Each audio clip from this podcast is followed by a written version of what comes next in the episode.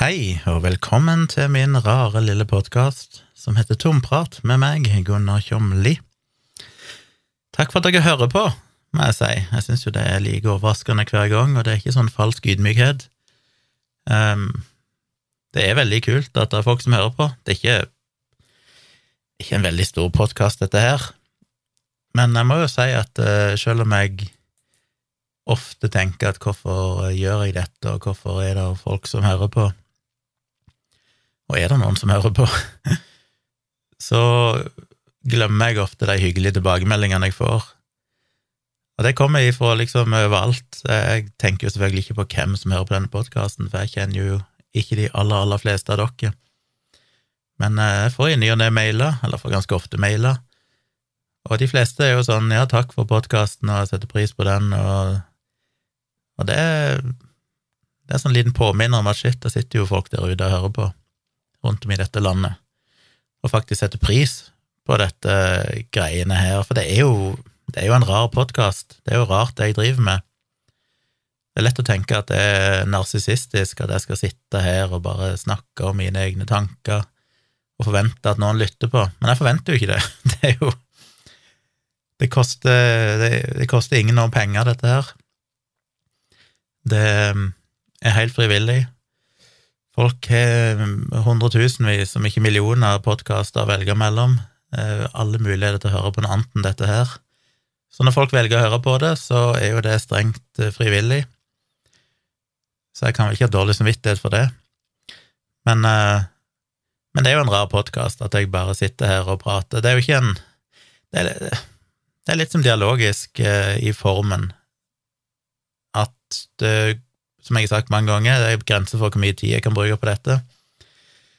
Men jeg prøver jo å bruke litt tid og forberede meg, lese gjennom artikler, forskning, ha noe vettugt å si. Men det er jo ikke som nei, jeg mener, jeg hører på andre podkaster, sånn Aftenposten, er det de som har forklart Ja, det er sånne her eh, litt mer seriøse podkastene, så er det jo veldig forberedt. Det er liksom et manus, og alle vet akkurat hva de skal si. Jeg føler jo at jeg ofte ikke gjør det, jeg vet jo egentlig ikke hva som kommer til å bli sagt før jeg sier det, og det kan jo være litt skummelt. Og da får jeg jo litt sånn dårlig samvittighet. Er det, er det urettferdig av meg å ikke lage en podkast der jeg bruker to-tre dager på virkelig researche alt veldig grundig og lage et manus og liksom banke inn poengene med, med overbevisning av autoritet, istedenfor å sitte her og være usikker og tvile og ja, men, eh, men ja.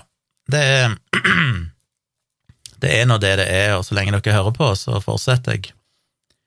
Og jeg håper jo at litt som dialogisk at poenget skal være at det er lov å tenke litt høyt.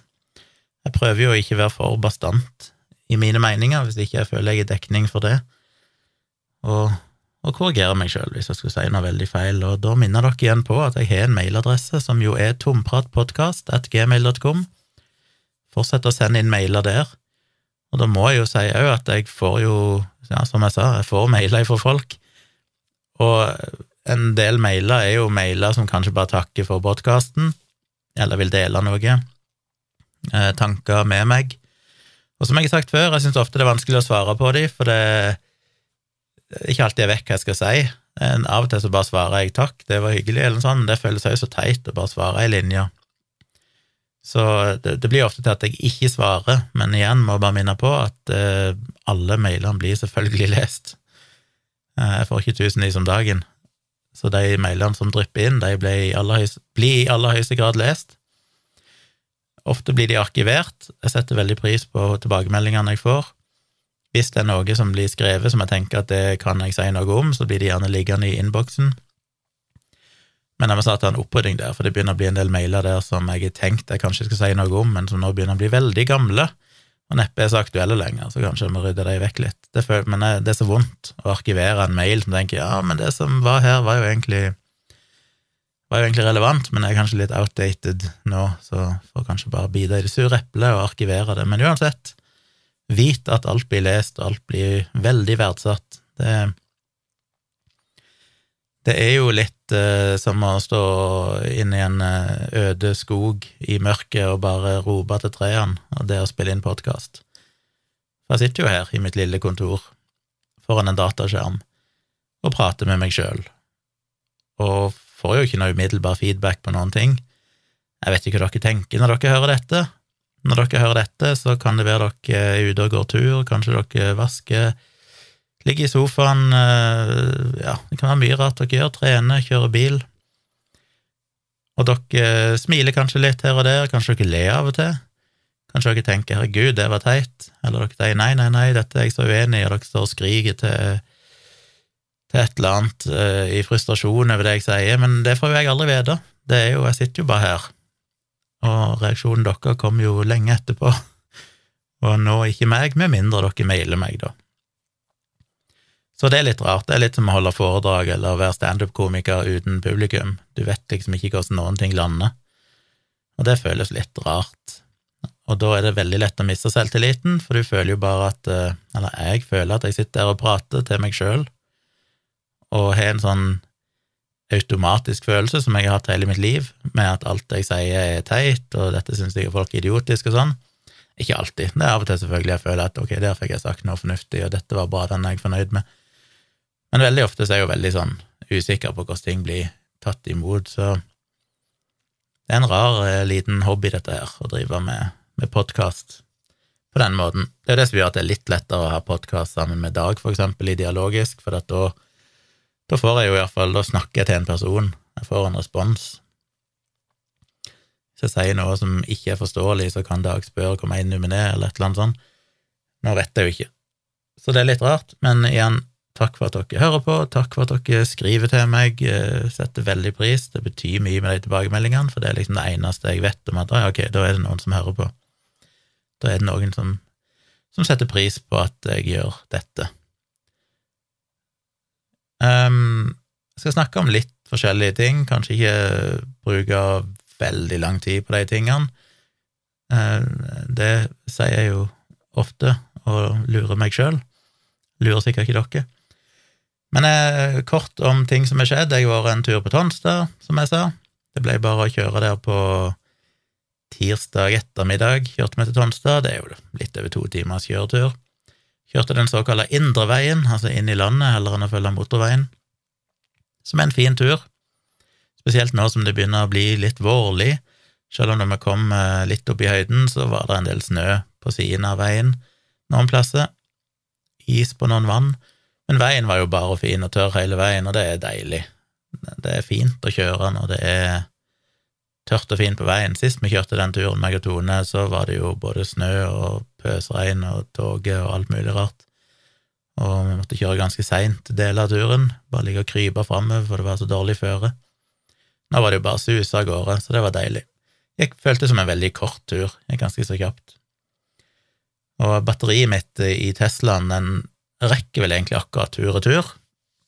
Vennesla-Tonstad og tilbake igjen. Men når jeg kommer fram til Tonstad, så plugger jeg den likevel i stikkontakt hos mine foreldre. De har en sånn skøyteledning som ligger på utsida, bare en helt vanlig stikkontakt. Det er ikke noe billader eller Tesla-lader, bare rett ifra en stikkontakt, 230 volt. Og det går sakte, men når bilen står der eh, ifra kvelden og over natta og ut på formiddagen neste dag, kanskje til og med ut på ettermiddagen, så blir batteriet ladet opp igjen. Så når jeg kjørte derifra, så hadde jeg jo fullt batteri igjen, så, så det er jo kjekt en liten Tonstad-tur. Jeg var jo som sagt oppe og hadde generalforsamling i eh, firmaet mitt, og et eh, møte etterpå, planlegge litt strategi, fremtid, og så videre. Så det er jo ting som bare må gjøres. Sånn er det gjort, og det er godt. Ellers var jeg jo i Oslo her forleden, som jeg nevnte, men én ting jeg glemte å si på den turen, var at jeg klarte å ødelegge brillene mine. Jeg var jo og fikk meg nye briller relativt nylig, jeg eh, fikk de vel for jeg ikke, to uker siden, eller noe sånt. Så oppgraderte jeg brillene mine, for det, jeg har jo hatt litt forskjellige briller, og de brillene jeg hadde før disse, hadde jeg vel hatt ifølge optikeren i tre år, tror jeg. Og da gikk jeg over til de som har sett på, på YouTube og sånn, har jo sett det, men eh, noen ganske sånn usynlige briller. Veldig lette, veldig tynne, nesten usynlige rammer, bare glass som var dyre, veldig dyre, for når du skal ha sånne briller, så blir de ofte dyre, det er billigere med litt mer robuste briller. Men det var dyre briller. Men, og, og det jeg likte med de, var jo at før det igjen så hadde jeg noen litt sånn mer markerte plastikkbriller med litt sånn tjukke, svarte rammer. Men de hadde ikke noen sånn nesepute, eller hva du skal kalle det. Det var liksom bare Rammen var rett på nesa, og de, de glei veldig ned. Og hvis jeg ble det minste svett eller klam i ansiktet, så glei bare brillene ned hele tida, og det er veldig tungvint. Eh, så jeg bytta til noen andre briller som var litt mer usynlige. Men så jo, ble jeg jo lei av det òg etter en stund, så etter tre år med dem så fikk jeg litt sånn Skal jeg først ha briller, så er det litt Så jeg har litt sans for at de ser litt sånn nerdy ut. At de er litt tydelige. At eh, hei, jeg har briller, og det skal faen meg være synlig. Mens jeg sier det nå, så tar jeg fram noen sånne brillerensere, for uh, jeg så de var veldig skitne. Så jeg gikk uh, tilbake igjen til det, og jeg syns det er vanskelig å velge briller, for det er sånn en forpliktende avgjørelse, og dette har jeg sikkert snakket om før i podkasten, husker ikke, så jeg skal ikke si for mye om det, men det er vanskelig. Så jeg var inne og, var hos optikeren, testa syn igjen for å se om det var skjedd noen endringer, og det er jo bare sorgen med synet mitt, altså. Jeg vokste jo opp med nærsynthet jeg kan ennå huske når jeg oppdaga at jeg var nærsynt. Jeg husker iallfall når jeg gikk på skolen i Kenya, i Kisumu. Så gikk jeg jo på en lokal afrikansk skole i et år. Og da satt jeg vel på fremste pult, og så husker jeg det, og da var jeg jo i fjerde klasse. Og da husker jeg det at for å se hva som ble skrevet på tavla, så måtte jeg hele tiden drive og, og drar meg i huden på sida av, av øyet, spesielt det ene øyet. Liksom for den jeg drog i øyet, så fokuserte liksom øya bedre. Så ofte for å se hva som sto på tavla, så måtte jeg dra i øyet for å fokusere. Og det er så rart at du, når du er barn og ikke har hatt noen annen virkelighet enn det, så kommer du ikke på at det er unormalt. En skulle nesten tenke seg at en ville tro, eller ville skjønne at, at det å ikke se ikke er helt normalt. At eh, hei, kanskje noe er galt. Men det gjorde jeg vel egentlig ikke. Det var liksom bare sånn at det var min metode for å se, det var å dra litt i øynene. Hm. Og så var det vel eh, Jeg tror jeg fikk briller etter det, for jeg lurer på om jeg hadde briller når vi bodde i Nairobi, for vi bodde der i to år. Og så var vi hjemme en måned eller sånn på sommeren i Norge før vi reiste ned igjen. Lurer på om jeg fikk mer briller da, for jeg innbiller meg at Eller husker jeg feil? Nå har ikke noen bilder foran meg, så jeg kan ikke huske om jeg har briller på de bildene fra andre halvdel av Kenya-oppholdet. Så det var enten mellom fjerde og fem Nei, jeg tror jeg fikk de når jeg kom hjem etter det. Jeg tror jeg fikk de i sjette klasse. Og da husker jeg iallfall at jeg, på et eller annet tidspunkt så sa jeg til foreldrene mine at jeg lurer på om jeg ser dårlig, eller noe sånt, og så fikk vi testa synet, og så fikk jeg briller, og kommer aldri til å glemme den opplevelsen. Den kan jeg aldri få igjen, og det er litt synd, for det er en opplevelse som jeg gjerne skulle ha hatt på nytt. Dere har sikkert sett de her videoene med folk som tar på seg sånne briller som skal hjelpe fargeblinde til å se farger, som vel er til en viss grad litt sånn hypa og jalla, men den der reaksjonen når de tar på seg brillene og begynner å grine sånn, for sånn shit, jeg visste ikke at verden så sånn ut, jeg visste ikke at det er sånn dere andre har opplevd verden. Sånn var det jo egentlig å få briller i en alder av tolv år. Jeg husker jeg sto i stua fordi at brillene kom i posten, tok de på meg, og bare Der jeg vokste opp i huset, så er det jo en del furutre på utsida, ned mot det, er liksom skog og elv og fjell og sånn på nedsida. Jeg husker bare at jeg så ut av vinduet, og så var det sånn shit, jeg ser jo barnålen på furutrærne, som er 20-30-40 meter vekke. Jeg kan se at det er individuelle greiner, og at det er barnåler, og jeg så liksom detaljer. Og det er jo så rart, for da har jeg levd i tolv år og egentlig bare sett trærne som en blur, altså bare som en sånn grønn masse, diffus greie. Jeg har aldri tenkt over at de skal kunne se detaljene i naturen rundt deg, i verden rundt deg. Så det var jo litt som å få på sånne fargeblindbriller. Bare gikk rundt og kikka og tenkte sånn shit, jeg kan jo se verden, er det sånn det ser ut, er det sånn alle dere andre har sett verden før? Så det var fascinerende opplevelse som jeg gjerne skulle ha kunne kjent på igjen, men det får jeg jo ikke gjort. Men jeg har vært nærsynt eh, hele mitt liv, og så begynte jeg jo gradvis å bli langsynt med alderen, og så har jeg vært inne og prøvd alt mulig, eh, både sjekka om jeg kan få en laseroperasjon og alt mulig, men foreløpig er ikke det så aktuelt. Må vente noen år til. Eventuelt bytte, og da må jeg i så fall bytte ut hele linsene mine med sånne kunstige linser, som alltid høres veldig skummelt ut. Jeg vet ikke om jeg noen gang kommer til å bli klar for det, men jeg merker at det med briller er så tungvint nå at det, Det er Ja. Det er nok eh, Det begynner å nærme seg, jeg tenker det kanskje er verdt å gjøre noe. Fordi nå har jeg jo to par med briller, et sett med databriller som er progressive, og et sett med vanlige briller som er også progressive. Så det er på en måte fire forskjellige styrker, da. Databrillene har to styrker, én oppe og én nede, og de vanlige brillene har to styrker. Og så er det ingen av de som funker egentlig når jeg ser ting på veldig nært hold, sånn som mobiltelefonen.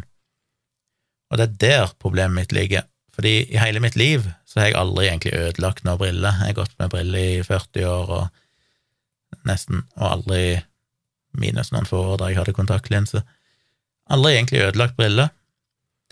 Men de siste to, to årene så har jeg klart å fucke brillene mine ganske mye. Og grunnen til det er at uh, tidligere så kunne jeg ha på meg briller hele tida, mens nå må jeg både bytte briller siste året, eller siste to årene, vel, etter jeg begynte med progressive, så må jeg eller etter jeg begynte med sånn databriller, så må jeg jo drive og bytte briller hver gang jeg eh, beveger meg fra til datamaskinen. Og det er ikke det største problemet, men et større problem er når jeg skal se på mobilen, jeg ligger i sofaen eller ligger i senga eller er på reise eller et eller annet og skal se på mobiltelefonen over en lengre periode, så må jeg ta av meg brillene og så bare holde mobilen veldig nærme ansiktet mitt. Og den prosessen er farlig, fordi da har jeg en tendens til å ta brillene og legge de for eksempel på magen, eller legge de i sofaen eller senga på sida av meg, og før jeg vet ordet av det, så har jeg rulla meg over brillene, eller de har falt av meg, og jeg trør på de, eller jeg setter meg på de. Så jeg fucker briller stadig vekk nå. Og det klarte jeg jaggu meg å gjøre med disse brillene her. Jeg hadde vel hatt de knapt ei uke før jeg lå på hotellrommet i Oslo, tok brillene og la de på senga på sida av meg, for jeg lå i senga og leste på mobilen, og så skulle jeg bare inn på do, og idet jeg rulla meg over og satte meg opp, så tenkte jeg fuck, hvor er brillene? Reiste meg opp, og brillene var under meg, og helt komplett fucka. Og de brillene jeg har nå, er jo eh, de nye jeg hadde fått, altså. Det var noen sånn Oscar Eide-briller av karbon, som er ganske tjukke og robuste, men fortsatt relativt lette, vel, for de er karbon. Karbon? Vet aldri hva som sier det ordet. Men eh, de stengene på sidene, de sto jo bare i alle slags vinkler, så jeg prøvde å presse de på igjen i hengslene der de liksom er bøyelige og sånn, men de var liksom fucked, og så er jeg alltid usikker på hvor mye makt jeg skal bruke på å bøye de med rå makt og sånn, for jeg er redd de skal knekke. Så jeg klarte meg, eh, dette var jo utpå dagen, heldigvis så trengte jeg ikke brillene, jeg var ferdig med fotografering og sånne ting, så jeg trengte ikke brillene til noe kritisk. Eh, men jeg skulle ut en tur og sånn, og da hadde jeg på meg headsetet, dette Apple eh, AirPods Max-headsetet, og det funka, for da låste headsetet brillene på plass. Men uten headsetet så hang det jo bare helt løst og bare datt av meg. Så neste morgen skulle jeg jo ta bussen hjem igjen til, til Sørlandet, men da hadde jeg litt tid på meg, så da stakk jeg innom Synsam i Karl Johan, der som jeg pleier å gå på til optiker, og jeg har kjøpt briller de siste årene. Kom inn med de og spurte du går det an å fikse de her, kan dere med de rette verktøyene stramme og vri litt og, og, få dette på plass igjen. Og da så hun bare på de, og så sa hun at oi, nei, her må vi nok bestille nye stenger, sa hun, for disse er ødelagt, og de er ganske dyre. Så tenkte jeg ja, det er de vel, for det var ganske dyre briller. Så sa jeg, eh, men jeg måtte jo liksom ta bussen hjem, så tenkte jeg bare ha en midlertidig løsning, for så spurte jeg kan dere likevel bare liksom prøve å, stramme det opp så godt dere kan. Så sa jeg ja, og skulle se hva hun kunne gjøre. Så gikk hun bak på kontoret sitt og ble vekk i ti minutter. Kom ut igjen, og så sier hun du, vi hadde noen sånne stenger liggende, så jeg fikk fiksa de, det koster ingenting. Jeg bare oi, shit. jeg skjønner ennå ikke helt logikken i det, at det først var det sånn de måtte bestille stenger til meg, og det kosta mye penger, til at de bare hadde stenger, og det var gratis. Den skjønte jeg aldri helt.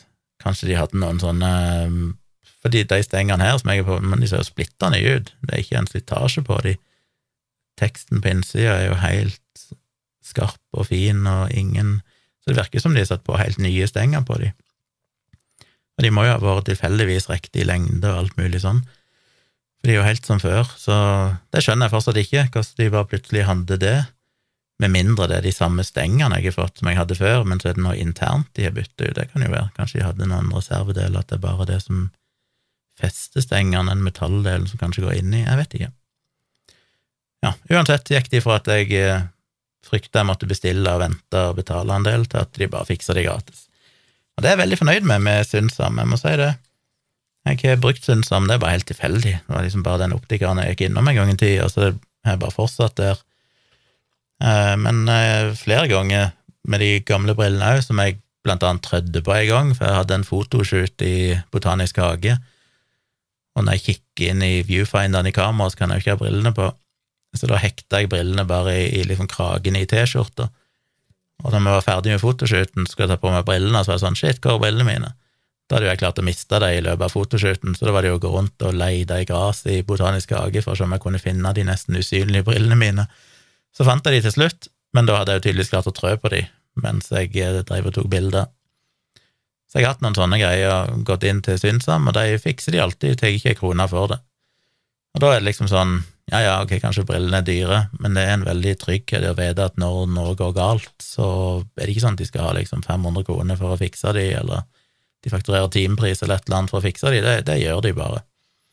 Så jeg må gi en liten anbefaling til Synsam, det er sikkert vanlig hos alle optikere, men den type service setter jeg jo pris på. Og det at de fikk fiksa disse brillene gratis, var jo helt uh, glitrende. Og briller er jo viktig. Det er jo Ja, det koster litt med de brillene, det er jo glassene som koster mest, og det får jeg ikke gjort så mye med. Det er dyrt når du skal ha progressive glass og sånn, med ganske mye styrke i.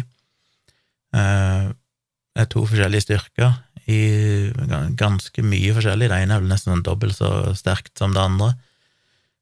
Og sist var inne nå, så fant ut at jeg hadde fått skeiv hornhinne på begge øynene, så nå hadde liksom både nærsynt og langsynt og skeiv hornhinne, så det er jo bare sorgen. Men, eh, men, jeg bruker penger på briller, jeg ser egentlig ikke på prisen. Det er sånn når jeg finner noen briller jeg liker, så må jeg bare betale det det koster, fordi de skal jeg ha i mange år. Og så er det lett å sammenligne det da med klær, for eksempel. Jeg Altså, skal jeg kjøpe ei bukse, så vil jeg jo ha ei bukse som jeg syns er, er, komfortabel, og jeg, føler meg ok med å gå i, som jeg syns er fin og alt mulig sånn.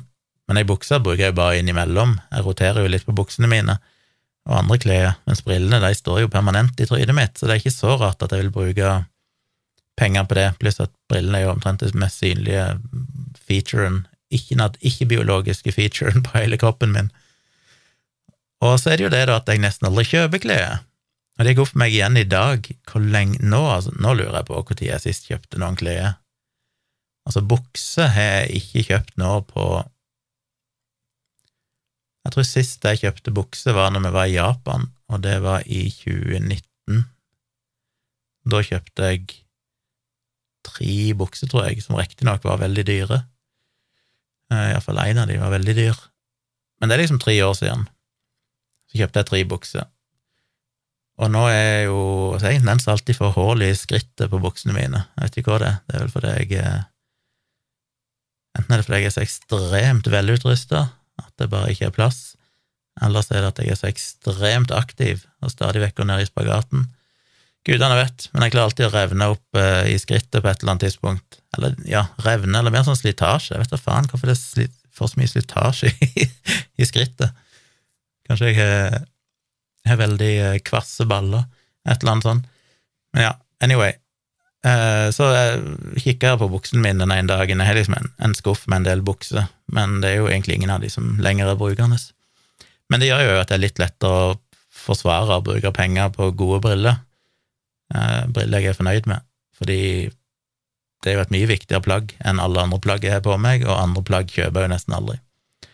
Det eneste jeg har fått av nye klær i det siste, at jeg har fått ei skjorte eller sånt av Tone, og noen T-skjorter til jul, noen sånn billige, random, vanlige T-skjorter og sånn.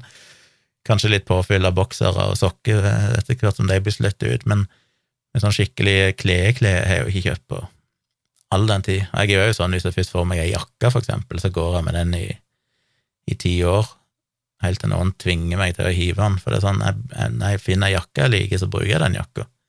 For evig og alltid, helt til noen blir forbanna. Det er litt kjipt, for jeg hadde jo for eksempel ei jakke jeg var jævlig fornøyd med. En sånn skinnjakke, brun skinnjakke med sånn påsydd eh, hette, sånn hoodie.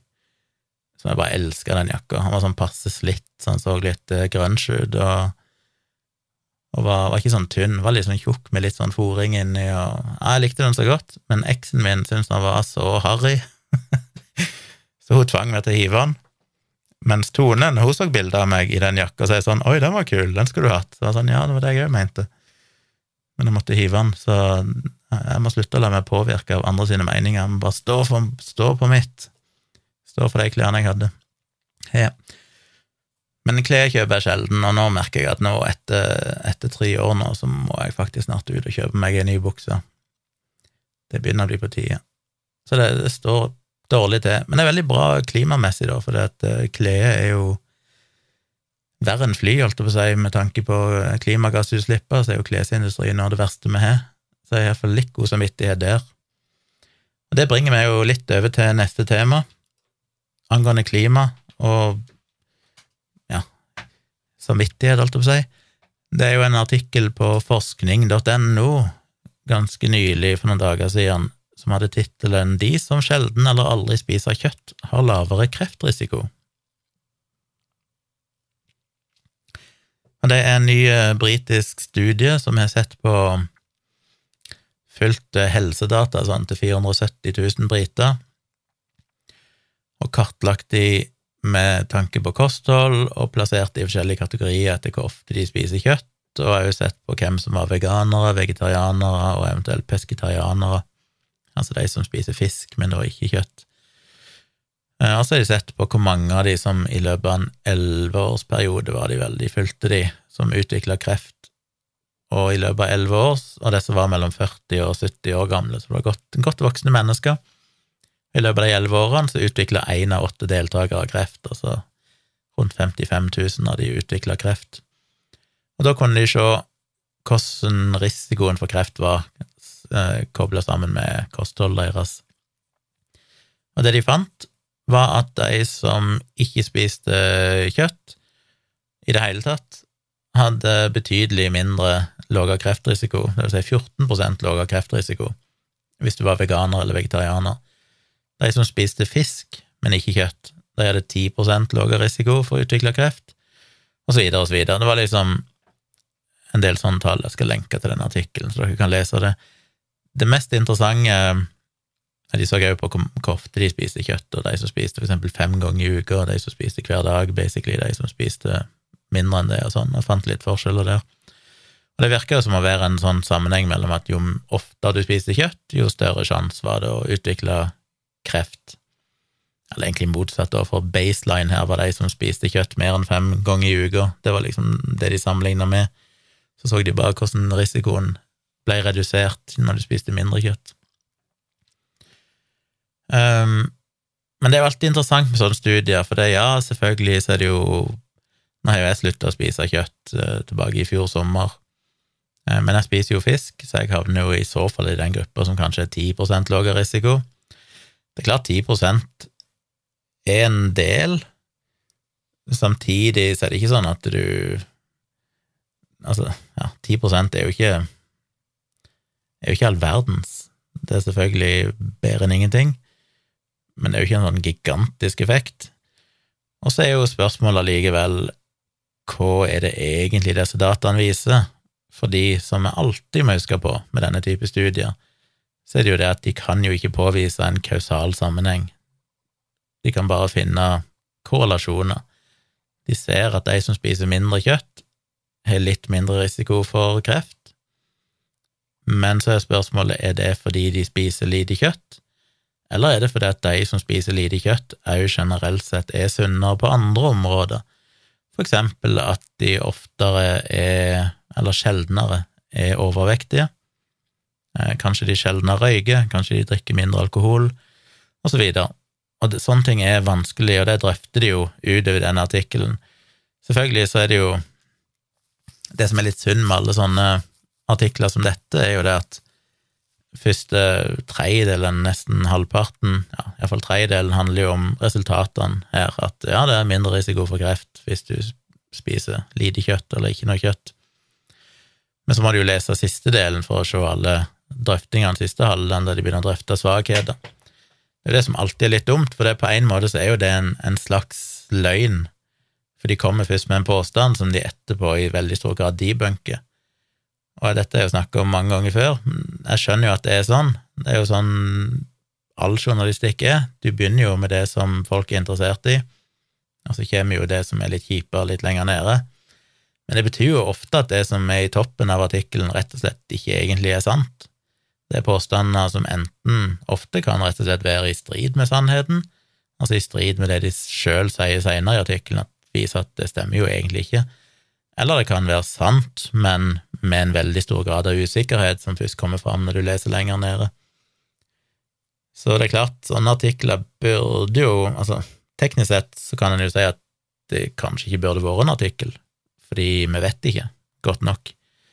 Eller de burde bare gått ut ifra starten og vært mye ærligere på, at, på den usikkerheten som er der. Anyway, usikkerheten er jo det som jeg nevnte, da, blant annet, at vi vet ikke hva som egentlig er sammenhengene her. Det kan jo være en helt annen ting med de som ikke spiser kjøtt, som gjør at de faktisk ikke får så mye kreft. Det drøfter de jo. De mener jo, de folkene de snakker med her, at selv om det er nok Altså, for enkelte typer krefter, som tarmkreft og sånn, så, så vet de òg at det er en biologisk sammenheng mellom det å spise kjøtt og risikoen for å utvikle kreft, så der er nok sammenhengen sannsynlig. Det er en plausibel sammenheng at spiser du mindre kjøtt, så er det jo mindre risiko for å få tarmkreft.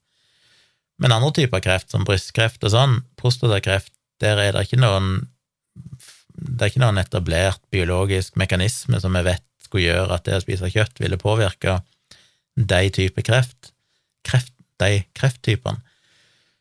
Så da er det litt mer usikkert. Kan det virkelig være sånn at å spise mindre kjøtt er å redusere risiko for brystkreft, eller er det bare fordi at de som er veganere, for eksempel, og vegetarianere, ofte har lavere BMI og fedme for eksempel en, en øker risikoen for, for disse typene kreft og sånn. Så det, de mener vel at uh, kjøtt definitivt spiller en rolle i det, men at for enkelte krefttyper så kan det nok i stor grad skyldes andre livsstilsfaktorer som følger med i kjølvannet av det å ikke spise så mye kjøtt, selv om de mener at det nok ikke forklarer alt, så kjøtt er nok kanskje spiller en rolle i dette likevel. Men det gjør jo alle dataene veldig usikre, de der 14% og 10% og sånn nedgang. Det er sånn Ja, kanskje. De har selvfølgelig prøvd å kontrollere for mye her. Eh, sosioøkonomiske forhold, diabetes, hvor de bor hen, og en del andre livsstilsfaktorer. Jeg vil jo anta, når jeg ikke har lest originalstudien her, bare baserer meg på forskning.no sin, sin eh, rapportering, vil vel anta at de må ha korrigert for ting som fedme og røyking og alkoholbruk og sånn, men igjen, det er alltid vanskelig. Et annet problem med alle sånne studier på ernæring, kosthold, er jo at det er selvrapportering. De skal sjøl rapportere hvor ofte de pleier å spise kjøtt. Og det er òg vanskelig, blant annet fordi vi i dag vel har en slags sånn moralsk fordømmelse til en viss grad mot å spise kjøtt. Eh, til og med de som spiser kjøtt, er vel klar over at det kanskje ikke er det beste for klimaet, det er kanskje ikke så bra med tanke på dyrevelferd, bla, bla, bla. Så det kan jo være et insentiv for at folk underrapporterer hvor mye kjøtt de faktisk spiser. Eh, og generelt sett er det bare vanskelig å huske. Jeg syns jo det er vanskelig. Hvis noen spør meg Jeg vet jo det, i, før i tida, før jeg slutta å spise kjøtt, så spiste jeg jo ikke veldig mye kjøtt, mente jeg sjøl. Men det er alltid fordi jeg har en tendens til å tenke på å spise kjøtt som liksom å spise kjøtt til middag, en biff eller kjøttdeig eller pølse eller bacon eller et eller annet sånt, og så glemmer jeg fort vekk ting som er sånn en, en lasagne eller en gryterett eller skinkepålegg eller en pizza, pepperoni-pizza. Jeg er selvfølgelig klar over at det er kjøtt i dem òg, men det er ofte du ikke helt tenker på det i samme grad. Så før i tid så spiste jeg jo ganske ofte skinkepålegg, ost og skinke, for eksempel, på skiva. Men jeg følte ikke jeg spiste kjøtt så ofte, fordi jeg var veldig sjelden jeg spiste en kjøttmiddag på den måten. Selv om jeg nok spiste mer kjøtt, hvis jeg var helt ærlig med meg sjøl og virkelig begynte å tenke. Eh, så det er nok vanskelig. Jeg tror nok mange går i den fella, at de fort glemmer enkelte ting som er kjøtt, som du får i deg, og ikke nødvendigvis tenker på at du spiser kjøtt i så stor grad. Et annet problem var jo at de òg spurte bare deltakerne på ett tidspunkt om å rapportere hva de spiste. jeg ikke hvordan de stilte spørsmål, om de skulle rapportere siste uka eller siste måneden, eller om de bare sa hvor ofte for tid pleier du å spise kjøtt. Men dermed så vet en jo strengt tatt ikke om de som da for eksempel ikke spiser kjøtt, eller spiste lite kjøtt, om de nylig har gjort den endringen, og da vil jo neppe ha noen effekt på kreftrisikoen, eller om de har gjort det de siste 20 årene, eller siden de var barn, eller Eh, det trekker de fram i artikkelen her som en svakhet, så det er klart det òg gjør det jo vanskeligere å vite helt hvor mye en kan stole på resultatene. Eh, det hadde vært lettere hvis de hadde, hadde fulgt de over enda lengre tid og hatt flere datapunkter der de kunne se hva de faktisk spiste, og selvfølgelig aller helst òg hatt mer konkrete målinger hva de faktisk spiser, og ikke bare basere det på selvrapportering, men det er jo altfor omfattende og dyrt. og inngripende å gjøre i praksis og sånne Det blir som med det jeg snakket om sist, at du må alltid veie det med å ha mange deltakere for å kunne fange opp eh, små effekter. Det må du alltid veie opp mot at du da stort sett bare får korrelasjonsdata. Hvis du vil ha mye større sjanse for å finne kausale sammenhenger, så må du jo da ha en kontrollert, randomisert kontrollert studie, og da må du ofte ned i veldig få deltakere. Eh, mindre du har enormt med ressurser. Så veldig ofte er jo sånne studier altså Det er vel gjort noen få studier der du liksom omtrent sperrer folk inne i to uker eller noe sånt, og så får de bare spise den maten de blir gitt, sånn at du har 100% kontroll på hva de faktisk spiser. Men det kan du jo bare gjøre i kort tid. Da kan du kanskje måle noen endringer i blodverdier etter to uker, eller hvor lenge de eventuelt kan holde på disse folkene. Og så er det ikke så mange folk, det er ofte kanskje bare noen titalls deltakere. Så det blir jo òg Eh, det blir mer lettere kanskje å finne kausale sammenhenger, men det blir jo veldig kortere data. altså Dataene er over en veldig mye kortere tid, så det er vanskelig å finne langtidseffekter. Og det vil være så få deltakere at det er vanskelig å finne små effekter. Det er liksom bare de store tingene du kanskje finner. Så det er alltid en avveining. Så du, du finner liksom ikke begge deler. Så når en har sånne store studier som dette, med nesten en halv million deltakere, så blir det bare korrelasjoner og så må en bare prøve å kontrollere så godt en kan for de variablene en vet om, men det blir aldri helt perfekt. Så, så en kan lese ut ifra denne studien her, er vel at det mest sannsynlig er en sammenheng. Vi visste jo at det var en sammenheng med enkelte typer kreft, og kanskje spesielt tarmkreft. Men det som var litt overraskende her, var vel at de òg fant en generelt lavere kreftrisiko for helt andre typer kreft, som var litt uh, nytt. Og så er spørsmålet hvor stor den sammenhengen er, men han er nok større enn null. Så samme med det alkoholstudien jeg leste sist, alkoholens effekt på hjernen, så er det akkurat de samme svakhetene her, eh, samme usikkerheten. Jeg lurer på om det kan ha vært samme, samme datamateriale, samme studien. Begge de to er hentet ut ifra, for begge var jo England, og begge var basert på helsedata på flere hundre tusen mennesker, så så kanskje det er samme greia, at de har analysert flere ting. Litt usikker. Iallfall. Så det kan en jo ta med seg videre her i livet. Neste, for å hoppe virkelig i tema, en artikkel jeg bare fikk lyst til Jeg skal ikke si så mye om denne, for det er ganske komplisert. Jeg vil egentlig bare anbefale at dere ser en video.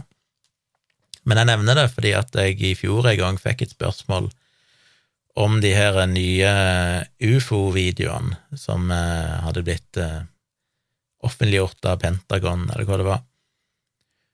Og jeg snakket litt om det da, viste til en video den gang òg, som i stor grad vel klarte å forklare en av disse videoene, hva det var for noe. Nå er kanskje den viktigste av disse videoene eh, veldig godt forklart av en ekstrem nerd som har gått inn og analysert dette. Og han finner jo, og det er jo veldig overbevisende, han finner jo, ja, det er vel så godt som 100% sikkert, det du ser på videoopptaket, bare er en, en artifakt av kameraet.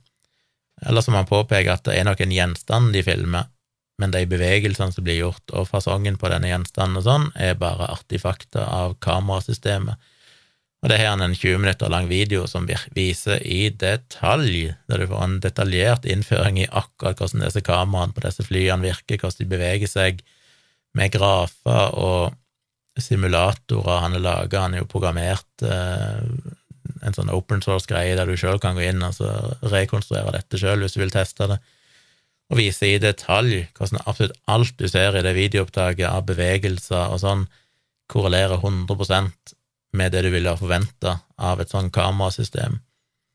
Så det er liksom egentlig hevet over enhver tvil om at dette kan forklares ut ifra kamerasystemet. Og det er jo ikke overraskende.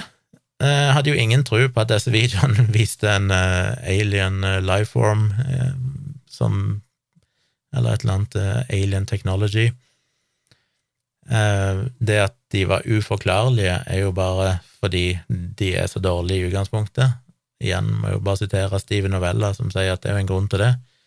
Fordi alle videoene som er av god kvalitet, er så god kvalitet at vi fort ser at, hva det faktisk er for noe, at dette er jo ikke noe mystisk. Det er jo kun de videoene som er ganske så dårlige, som vi sitter igjen med, som er liksom uforklarlige, men de er jo uforklarlige nettopp fordi de er så dårlige at det er vanskelig egentlig å vite hva vi ser. Og det er jo ikke akkurat noe godt argument for at det skulle være noe utenomjordisk, det at det bare er de dårligste videoene som ikke kan forklares. Det er jo et ganske tydelig tegn på at eh, da er det nok liten grunn til å anta det. For det er rart at alle gode videoer plutselig da aldri skulle vise akkurat det samme fenomenet. Men jeg vil anbefale den videoen som jeg da kommer til å lenke til en artikkel på Petapixel, som er egentlig et sånn kamerafotonettsted, men de har lenka av videoen og skrevet litt om den, og gitt litt kontekst. En veldig kul video for de ekstreme nerdene der ute, som får litt sånn eh, En bitte, bitte liten orgasme av å se en så detaljert analyse. Så jeg vil bare ha med den som en liten oppfølging, siden jeg har snakka om dette temaet før. Men dette er nok veldig forklarlig. Til slutt, eller ikke til slutt, men den siste sånn eksterne artikkelen jeg skal snakke om, er en ny eh, studie som er publisert i Lancet, som igjen da er sett på overdødelighet knytta til covid-19-pandemien. Og det er jo relevant, fordi at det har vært et tema i den eh, debatten jeg har hatt med han der uh, duden som skrev på subjekt.no, som jeg ikke husker navnet på nå, men som mente at uh, det var ikke noe vits i å sende vaksiner til Afrika, for der var det så lav dødelighet allikevel. Og litt òg med Ivar Neset i den debatten vi hadde om den covid-filmen, politisk autoimmun, der han òg ikke tydeligvis helt kjøpte ideen om at det hadde vært så stor overdødelighet, eller at det var noe bevis på at uh, covid-19 var så farlig. Selv om jeg mente at det var det, men nå er det jo kommet, eh, og dette er blogga om før, men de dataene jeg brukte sist jeg blogga, var jo litt eldre. Nå har det kommet nyere data, som har da igjen prøvd å regne ut overdødeligheten globalt.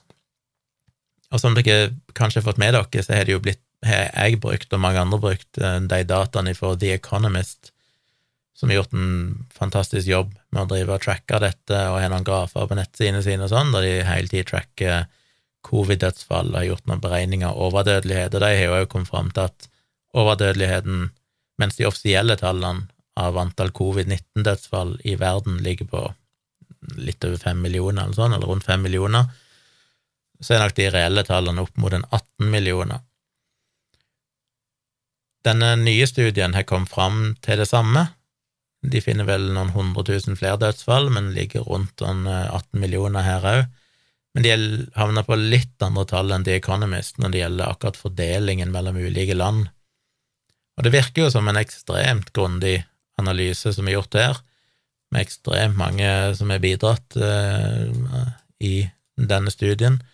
Lista over de som har vært med, er ganske så lang, med navn.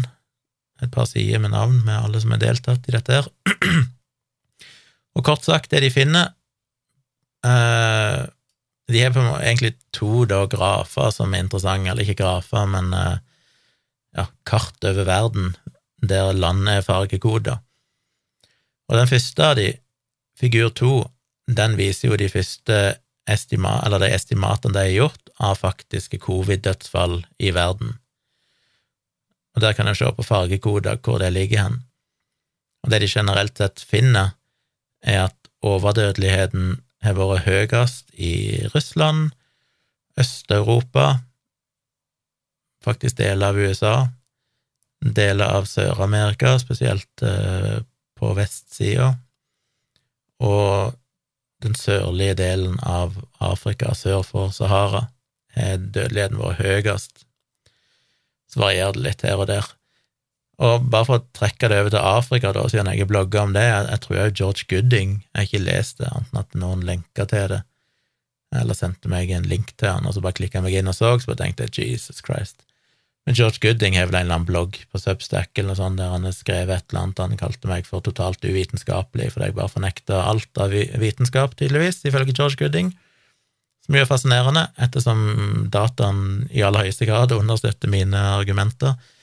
Både den gang og nå igjen blir de bekrefta angående overdødelighet og Afrika. Så finner de jo at eh, det definitivt har vært ganske kraftig overdødelighet i afrikanske land òg.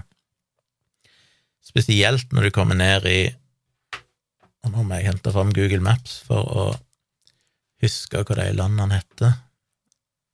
Um, når jeg gikk i, uh, i femte klasse på den afrikanske Nei, fjerde klasse. På den afrikanske skolen så pugga jeg alle navnene, alle land i Afrika og alle hovedstader. Så da kunne jeg de på ramsen. Jeg var ti år gammel, alle land i Afrika og alle hovedstedene. Nå har jeg glemt mange av de. Spesielt i Namibia, Botswana og Sør-Afrika, Zimbabwe og Zambia. Og òg når du kommer opp i eh, Libya, så er det ganske høy dødelighet. Men hvis du ser på de landene sør for Sahara, så er det mye der. I for eksempel Namibia og Botswana så ligger jo dødeligheten på et sted mellom 300 og 400 per 100 000 personår. Det sier dere nok ikke så mye i seg sjøl, men du kan jo da sammenligne med enkelte andre land, for eksempel ja, Norge ligger jo på Deler av Norge ligger jo på under null, der har vi faktisk hatt underdødelighet, fordi det da smitteverntiltakene har jo redusert uh, influensadødsfall og alt mulig sånn.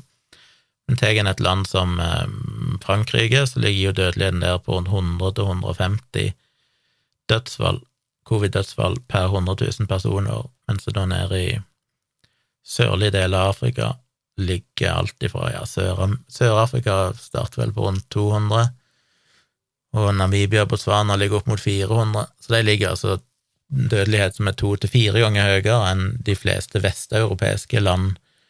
Argumentet til han eh, duden i Subjekt var jo at eh, det var mye viktigere med vaksiner her, fordi at dødeligheten i Europa var jo mye høyere enn i Afrika. Det er han jo ikke. Eh, igjen varierer litt fra land til land. Noen afrikanske land har klart seg bra. De ligger jo omtrent på, ja, på norsk og irsk og canadisk nivå. Mens andre deler sør for Sahara, som jo var det han snakka om, har jo leie dårligere enn egentlig alle landene vel sør for Sahara har gjort, det, ja, med noen unntak. Noen ligger omtrent på samme nivå som Vest-Europa og andre ligger over. Så argumentet for at det ikke skulle være nødvendig med vaksiner i Afrika, er jo henger ikke på greip, ifølge disse tallene her. Eh, Australia og Kina utmerker seg jo veldig med låg dødelighet i tillegg til Norge. Det er vi som kom, kom best ut av det. Men det er den ene grafen, den viser bare overdødelighet totalt sett. En annen tilsvarende figur de har laga, den viser jo overdødelighet sammenligna med den rapporterte dødeligheten. Og det er jo òg veldig interessant i sammenheng med, med, det med den debatten jeg hadde med han subjektduden, fordi hans argument var jo at vi måtte egentlig forholde oss til de offisielle dataene. Det var ikke noen grunn til å betvile dem, og når jeg da viste til studie etter studie som hadde gjort analyser og funnet ut at basert på alt mulig rare undersøkelser de gjorde, så var det mye som tyda på at det var en massiv underrapportering av dødsfall fra covid i Afrika, sør, sør for Sahara, så mente han at eh, det ikke holdt vann. Men denne grafen er jo brutal, for den viser jo at nesten alle afrikanske land, bortsett fra Eh, Namibia og Sør-Afrika, som har relativt gode data.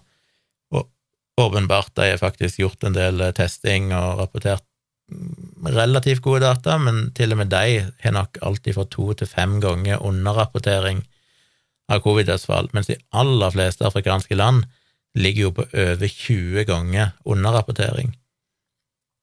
Så hvis det har daua 2000 personer, så rapporterer de 100 dødsfall. Og det er jo virkelig en spiker i kista for argumentasjonen til han eh, duden og George Gooding og den gjengen der, som er av eh, subjektmentalitet, der alt handler om å være kontrære. Dette viser jo med all tydelighet at argumentasjonen min om at de dataene som kom ut av Afrika, på ingen selvs måte var i nærheten av å være korrekte. Og det var jo basert på en tilsvarende analyse der jeg òg vil si at mange av disse landene hadde opp mot en 30 ganger underrapportering, eh, som en òg finner her, der en finner at for eksempel eh, Skal vi se hva de skriver Hva er det de skriver? De skriver at uh, under Jeg må bare finne det. Gjorde jeg det? Um, uh,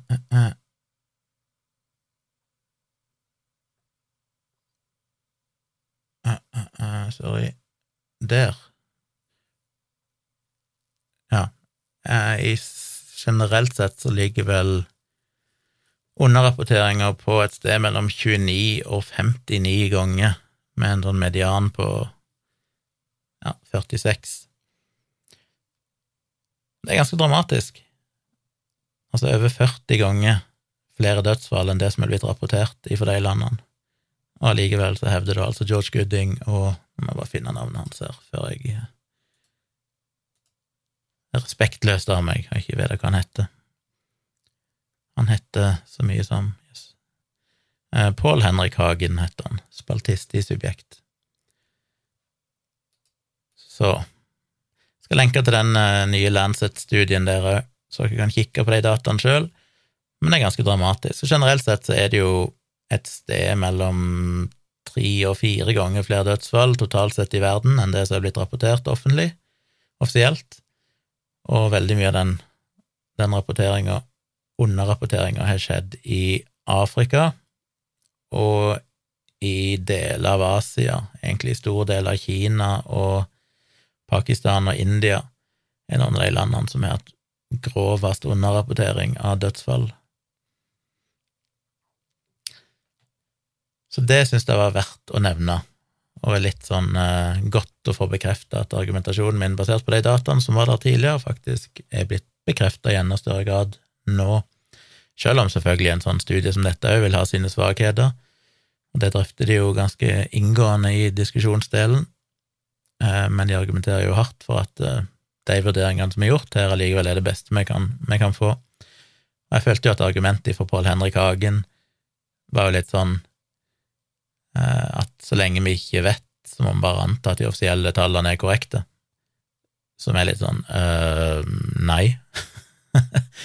Spesielt når vi har visst allerede lenge før covid at kanskje bare et sted mellom 1 og 10% av alle dødsfall i Afrika i det hele tatt blir registrert av alle andre dødsårsaker så er det jo merkelig at en skulle tro at når covid-pandemien traff, så var det plutselig skulle en anta at det sannsynligvis var korrekte dødstall.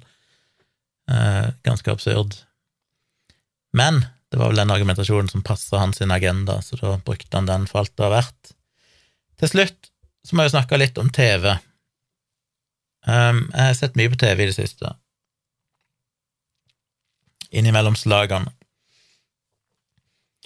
Jeg har sett uh, Folkeopplysningen, jeg snakket jo litt om den episoden om tannleger her sist, og så har jeg glemt å se de andre, men jeg fikk sett begge i kveld. En episode som heter Naturlig, som handler om den nat naturalistiske tankefeilen, om at alt som er kommet fra naturen, er bra, og alt mulig sånn. Skal ikke si så fryktelig mye om det, jeg har jo skrevet om det i placebo-defekten, så jeg har jo en egen liten sånn faktaboks, holdt jeg der jeg skriver om den myten, da, om at alt som er naturlig, er sunt. Eh, det tror jeg til og med jeg har lest opp her i podkasten i en eller annen anledning tidligere. Så det er jo litt sånn, dette vet vi jo, men det var så en interessant liten drøfting, sjøl om jeg følte at det var litt sånn, ble vi så mye klokere av det. Og selvfølgelig litt deilig å se den der eh, synliggjøringen da av at den ideen om at naturlig vanilje var så mye bedre enn eh, syntetisk vanilin, selv om ingen egentlig klarte å smake forskjell. Pluss at etter alle målestokker så er jo den syntetiske varianten vesentlig bedre, både med tanke på klima og, og eh, etikk. Så det er jo alltid litt gøy å liksom vise hvor lett vi lager lurer av den ideen om at hvis det er naturlig, så må det være bedre. Men utover det så var det ikke sånn fryktelig mye nytt i den episoden, og kanskje ikke den mest verdifulle episoden, men jeg synes det er kult å ta for seg det poenget, for det er jo et Ideen om at alt naturlig er bra, og sånn, det er jo noe som gjennomsyrer de fleste debatter innenfor eh, alternativbransjen og antivaksine og alt dette her. Og det er greit å bare få, få diskutert det og vise at det premisset i seg sjøl er helt absurd. Det holder ikke vann på noen som helst måte. Mer interessant var det jo med den siste episoden i sesongen nå, som handler om trans. Og det første å merke seg med den transepisoden er jo at den var dobbelt så lang som de andre. De vanlige Folkeopplysningen-episodene var vel i rundt 25 minutter. Denne varte i 55, eller noe sånt. Og det er jo litt interessant at de da Det vet jeg ikke om de har gjort før. De, for det, jeg mener, jeg jobba jo i, i redaksjonen der i forrige sesong, og da er det jo sånn at vi vet vi har så og så mye tid til å lage en episode, det er komplekse tema. Hva kan vi ta med? Det er så mye du vil si, det er så mange veier en kan gå. Eh, det er så mye som burde vært nyansert, og alt mulig sånn, men så vet en at ok, vi har begrenset antall tid, det skal forklares på en forståelig måte, eh, det skal være selvfølgelig korrekt, men det må òg til en viss grad forenkles, sånn at det blir forståelig for folk visualiseres på en eller annen måte. Og det er fryktelig mye en bare må hoppe over. Og så er det alltid noen som vil klage. Altså, 'Hvorfor snakker dere ikke om det, og hvorfor sa dere ikke noe om det?' Vel, hadde en hatt eh, seks timer til hver episode, så skulle en jo gjerne tatt med de tingene, men sånn er, er ikke verden. Men transepisoden har de rett og slett gått og laga dobbelt så lang som vanlig. Der har de rett og slett sagt, tydeligvis, jeg har ikke vært med i prosessen, så jeg vet ingenting om dette, jeg har bare sett episoden som en vanlig seer, men der må de jo da tydeligvis ha konkludert med at her kan vi ikke bare ha 25 minutter eller 22,5 minutter, eller hva det er for noe. Eh, det vil ikke være eh, rettferdig for temaet. Dette er så komplekst at her er vi nødt til å vie det mer tid. Selvfølgelig kunne de nok brukt det dobbelte, de kunne sikkert brukt to timer, men jeg syns de klarte å fylle 55 minutter, eller hva det var, veldig bra det er vel noe av det mest balanserte jeg har sett om den debatten, med virkelig synspunkter fra begge sider. Jeg skal bare De tingene som står igjen for meg, er vel én ting som er interessant, eller flere ting som er interessante. Det første må jeg si at hun Tonje Jevjon Jevjon, er det hun du. Det var herlig at hun fikk liksom ett minutt, og ikke noe mer. Hun fikk kommet med sin idioti, og så var hun bare glemt. Jeg følte på en måte, for de aller fleste andre intervjuobjektene ble liksom henta fram flere ganger i løpet av episoden. Etter hvert som de bevegde seg innom forskjellige problemstillinger, så hadde de med små klipp. Men hun, eh, Tonje Jevjon hun var liksom bare sånn ok, vi må ha henne med, for det er jo også synlig kritiker uh, i debatten, men hun er jo ikke verdt å bruke noe tid på. Og det er det virkelig ikke. Det er litt som, holdt jeg på å si, for å være stygg, alle de tre kildene jeg kritiserte i, folk, nei, i politisk autoimmundokumentaren, det er litt sånn samme med dem. det er stemmer en egentlig ikke burde hatt med. Å ha med Tonje Jevjon i en dokumentar eller en, en, en analyse av transdebatten er jo egentlig som å ha med en vaksinemotstander i en debatt om vaksiner. Det tilfører absolutt ingenting av substans, det kan være bare greit å vise at de fins. Se, her er hun, hun er disse meningene, men nå legger vi henne bak oss. Så det var litt deilig. Hun fikk komme til orde, men vi driter i resten av det hun har å si, for det er jo totalt irrelevant. Uh, hun er jo bare helt jævlig når du følger henne på Twitter og ser hvor ting hun Jeg følger henne ikke på Twitter, men jeg har bare sett andre retweete eller kommentere ting. Der. hun er jo Det er så hinsides det som er relevant, eller det som er interessant i en sånn kompleks og vanskelig debatt å ha sånne folk som hun, at det må en bare glemme. Så det var deilig. Det andre var jo at jeg likte de sammenligningene de gjorde med, med homokampen i sin tid. Dette med når de snakket om det som er toalettene, om eh, kjønnsnøytrale toaletter og garderober og sånn, og viste til at det var akkurat det samme som skjedde med homofile, det var akkurat det samme som skjedde med svarte og hvite i sin tid i USA, og det er jo akkurat det samme poenget som jeg snakker om her i podkasten. Der jeg sagt at denne debatten i veldig stor grad er identisk med en rasismedebatt, argumentene folk som er mot å slippe inn transkvinner i kvinnegarderober, er akkurat de samme som folk som mente at vi kunne ikke ha svarte på de samme bussene som hvite i gamle dager, de kunne ikke drikke de samme fontenene og sånne ting. Akkurat den samme eh, Ja, jeg skal ikke gjenta meg sjøl, for dette har jeg jo snakka mye om. Hvis det er nye lytter her, så gå tilbake igjen og hør de transepisodene jeg har hatt i 2022 ikke så lenge siden, noen uker siden. Jeg ranta mye om dette, tror jeg.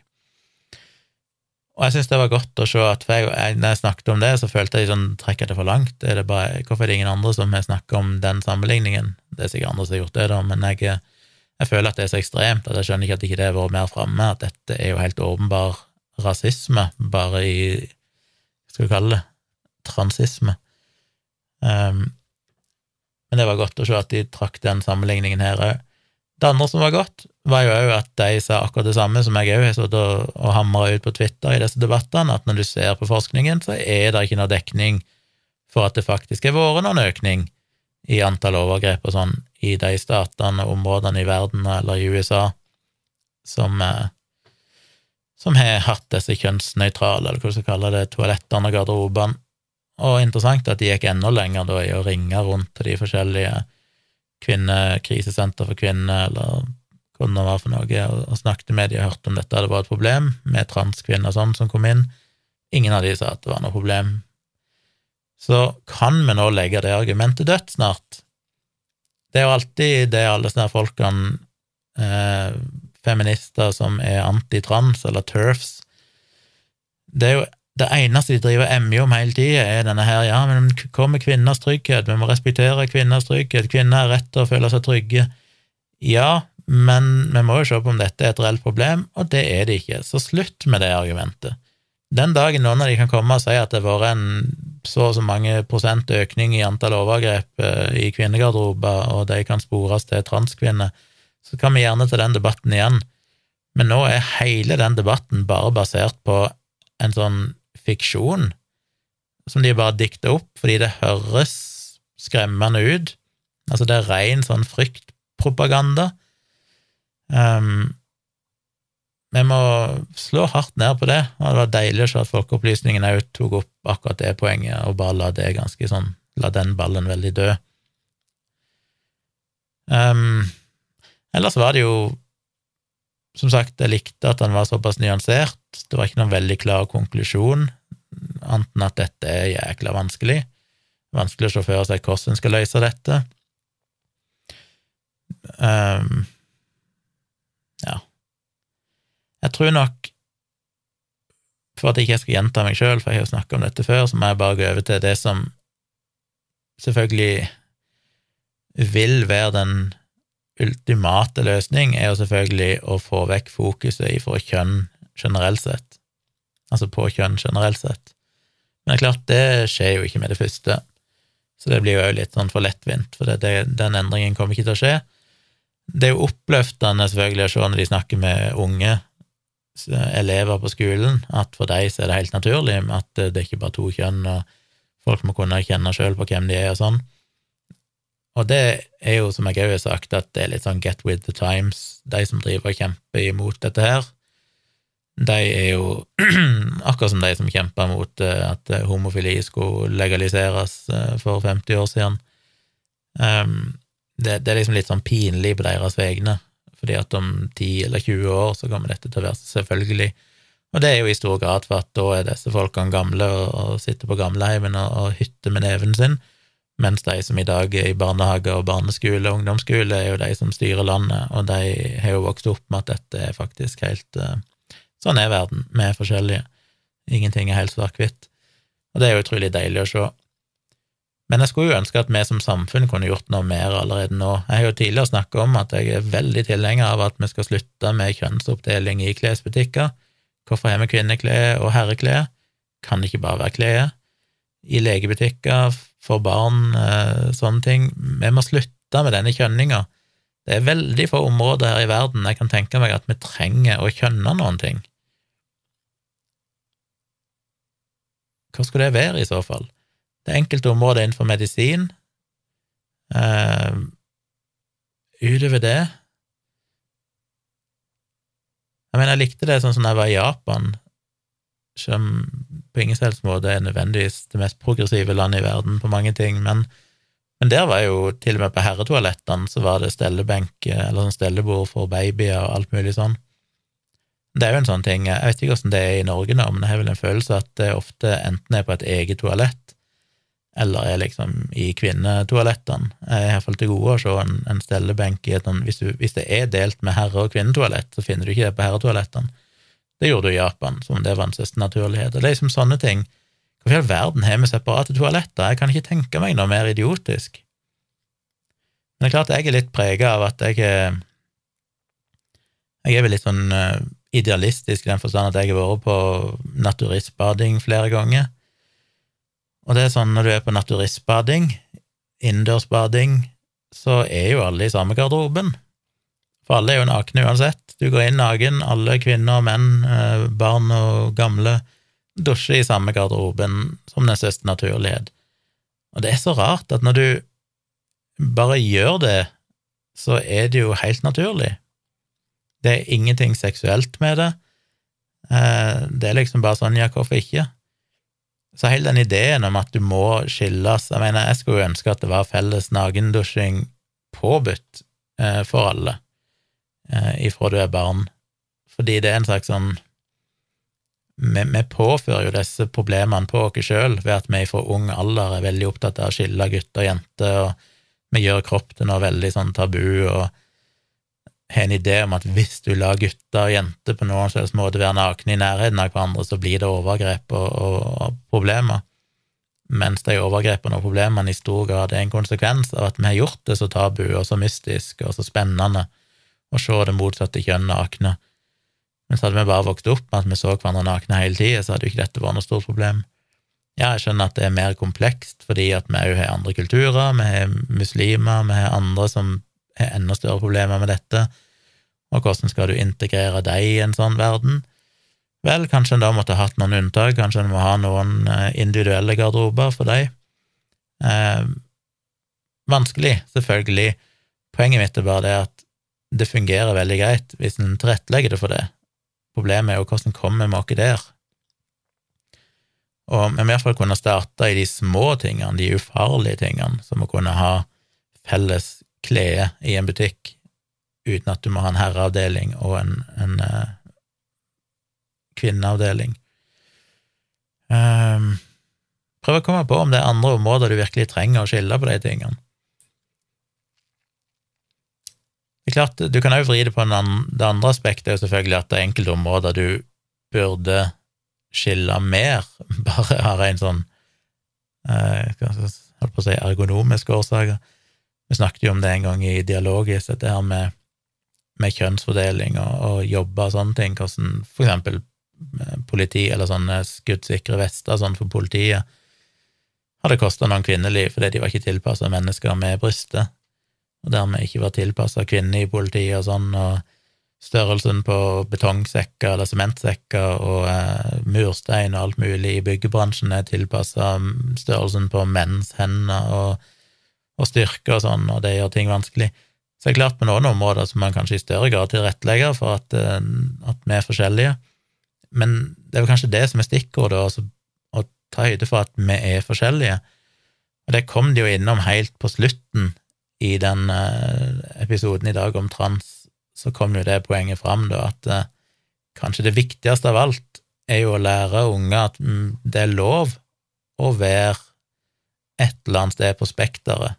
Du må ikke være gutt eller jente. Du kan være gutt som liker jenteting eh, og vil se ut som ei jente og alt det der. Du kan være jente som liker gutteting i gåsehudet, ha kort hår, alt det der. Det er klart en skulle tro at det var et mindre problem i dag, men det er nok fortsatt et problem. Og jeg syns jo, som jeg har sagt mange ganger, det er utrolig frustrerende med den ideen Altså, det er jo ingenting jeg syns er mer avskyelig enn folk som verdsetter maskulinitet, eh, spesielt da menn. De som setter sin, sin pride i maskulinitet. Eh, det er altså det mest patetiske jeg kan tenke meg.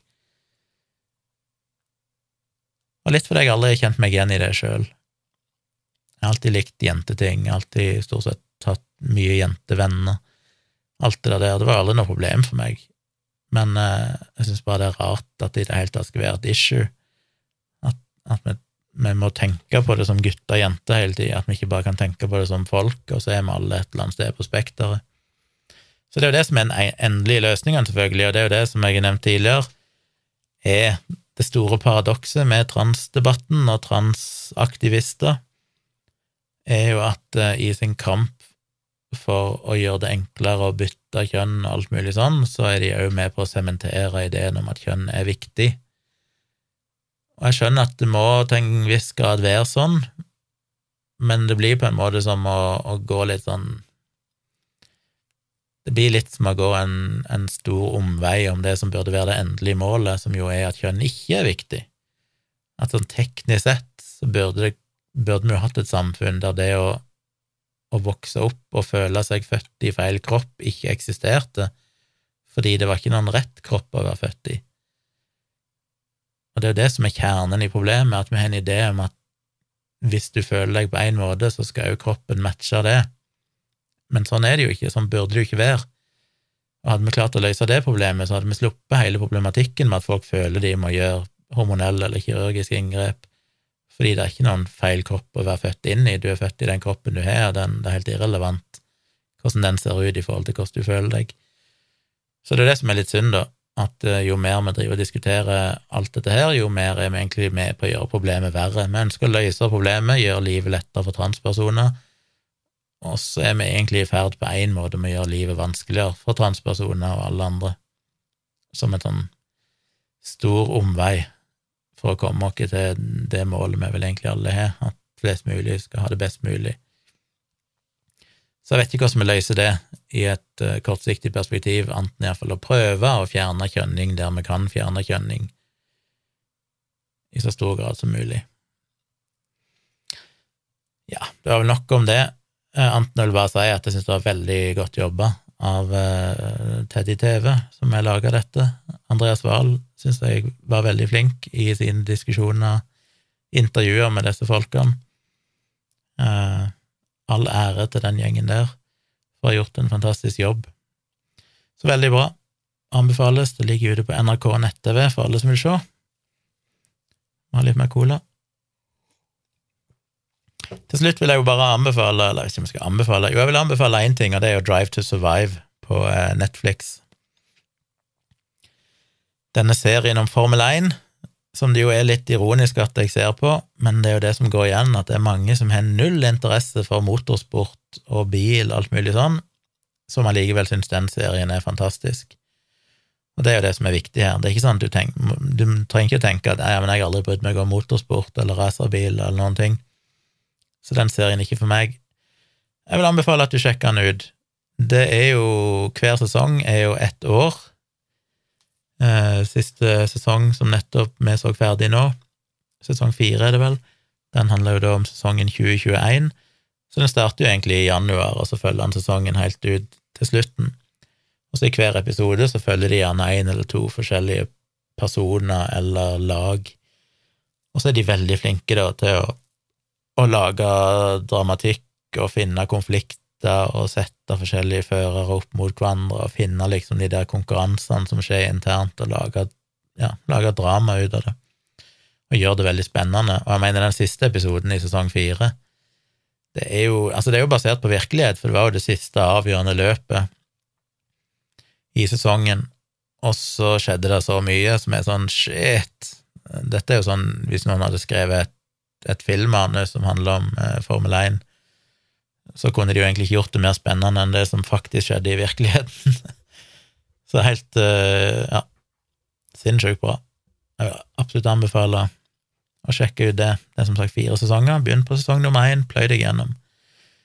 Nå ble jeg litt usikker sjøl for meg har sett sesong én. Jeg vet Tone så på det uten meg i starten, men gikk vi tilbake igjen og så sesong én på nytt. Nei, jeg begynte å se på det, det husker jeg faktisk ikke. Det må jeg høre med jeg tror kanskje jeg har sett det. Eh, ellers så driver jeg jo og ser på eh, Alle elsker David, som vel går på TV2, gjør det ikke det? Eller noe sånt. Eh, David Eriksen, en fyr som jeg var veldig fan av da jeg var yngre, for han eh, syntes jeg gjorde mye kult innenfor musikk uh, tilbake på ja, slutten av 90-tallet, var det vel. Digga han. Han var vel òg med som dommer i, i, Nei, var det Idol, eller var det The Voice? Ja, kanskje Idol.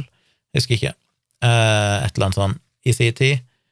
Og litt forskjellig. Ja, han har gjort mye kult. Nå driver han jo dette managementet da, som heter Eccentric People, der han er manager for flere influensere og alt mulig rart. Og denne serien handler jo da om han og familien hans, hans sønn og datter og kjæreste og ekskone og de han jobber sammen med i Eccentric People. Og jeg må jo si at det generelt sett er ganske smertefullt å se på Det er litt som å se bloggerne, bare kanskje enda verre. Jeg blir kanskje enda mer irritert på familien Eriksen enn det jeg blir på, på deltakerne i bloggerne. Fordi jeg har jo en sånn generell aversjon mot litt sånn uh, vestkantfolk med mye penger. Det er vel en slags rasisme jeg har. Jeg er litt sånn at når jeg nærmer meg Bogstadveien og, og Majorstua generelt sett oppover der, Frogner, så syns, altså får jeg litt lyst til å bare brekke meg av alle folkene. Så er det sånne unge tenåringsjentene som går med dyre vesker til 30 000, og alle kledd helt likt, og øh. Men det er litt sånn den familien er. Det er ingenting som er normalt der. Det er liksom bare Det er altfor mye penger i omløp, og det er bare kvalmt. Men, øh, men underholdende. Jeg syns jo det, det, er litt sånn med bloggerne, da, at jeg liker å se på det fordi det krever null innsats for hjernecellene mine. Det er en av de få tingene jeg kan se på der jeg bare kan liksom koble helt ut og bare sitte og være fordomsfull og jævlig. Så jeg, jeg syns det er god underholdning. Um, hva skal jeg si, jeg ble jo sint på han i forrige sesong når det var pandemi og sånn, og han drev og klagde over hvor vanskelig pandemien var, hvor hardt det var, og så hadde han jo bare stadig vekk bursdagsfester med 50 venner og uh, ut på fjorden i uh, yachten sin med masse venner. Sånn, liksom, ingen brukte munnbind noensinne. Alt var bare business as usual. Og så snakket han om hvor fælt det var. Der hadde jo vi sittet inne, ikke møtt et annet menneske på tre måneder sånn på hjemmekontor. Ja, det var ganske provoserende. Og det er litt sånn, det føles som at de lever i sin egen lille boble, litt sånn atskilt fra resten av verden. Litt smertefullt å se på, og jeg kan ikke annet enn å hate de ganske intenst. Men uh, men det er jo ikke noe tvil om at han er en flink fyr i det han driver med, og dedikert og jobber hardt og alt dette her. Men Jesus Christ, den der familien hans, altså, jeg hadde jo blitt gal. Det er altså så bortskjemte og privilegerte folk at det er det med jo alle i Norge, men de upper det liksom med enda et par nivåer.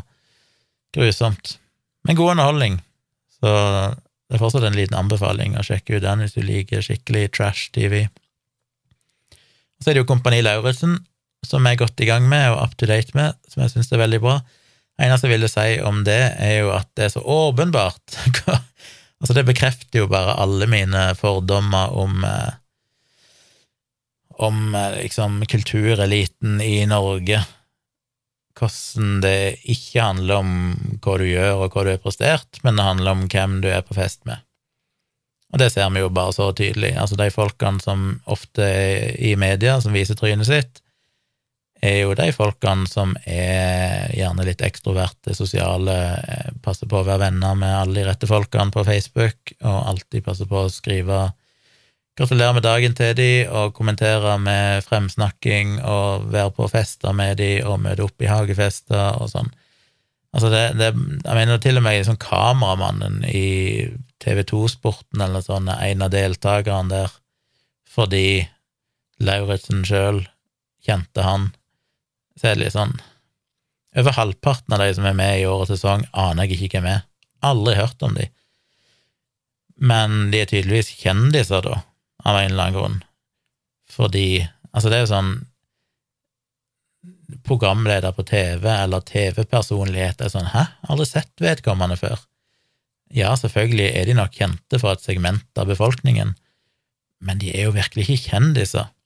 Men de er med, fordi at de er lette å spørre. Det er de som produserer dette, de kjenner de jo, de har garantert møtt hverandre eh, tidligere, omgås de samme folkene, og så er det selvfølgelig folk som David Eriksen og koder, som jobber hardt for å presse inn sine profiler i disse programmene, for å få den eksponeringa.